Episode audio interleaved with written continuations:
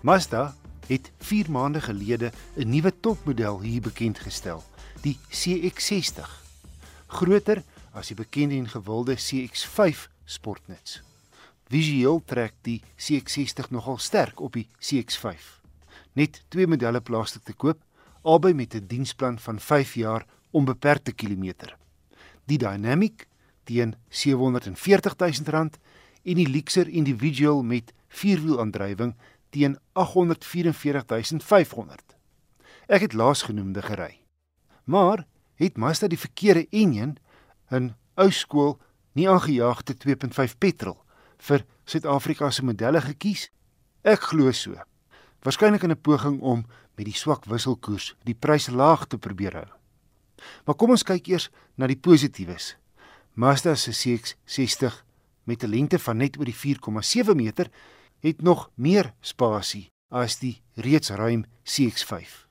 Netjiese oranje stikwerk op die swart leersitplekke en ander leergedeeltes en aluminium afwerking in 'n kajuit met hoë kwaliteit materiale en 'n aantreklike paneelbord.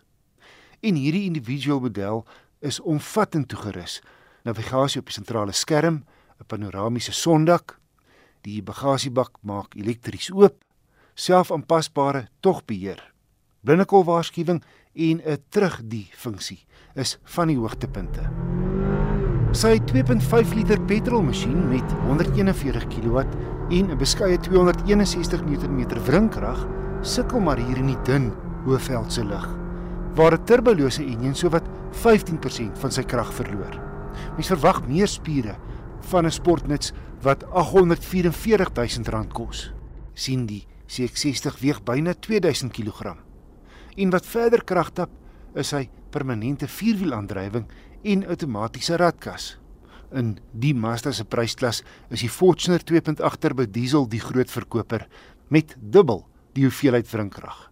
Trouwens in lande soos Australië en Engeland kry jy nie die enjin opsie wat ons het nie. Slegs 'n veel kragtiger inprop hibriede 2.5 en 3.3 turbo petrol en diesels.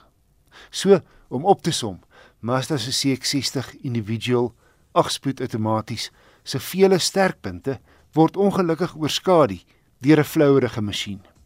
Maar daar's lig in die tonnel.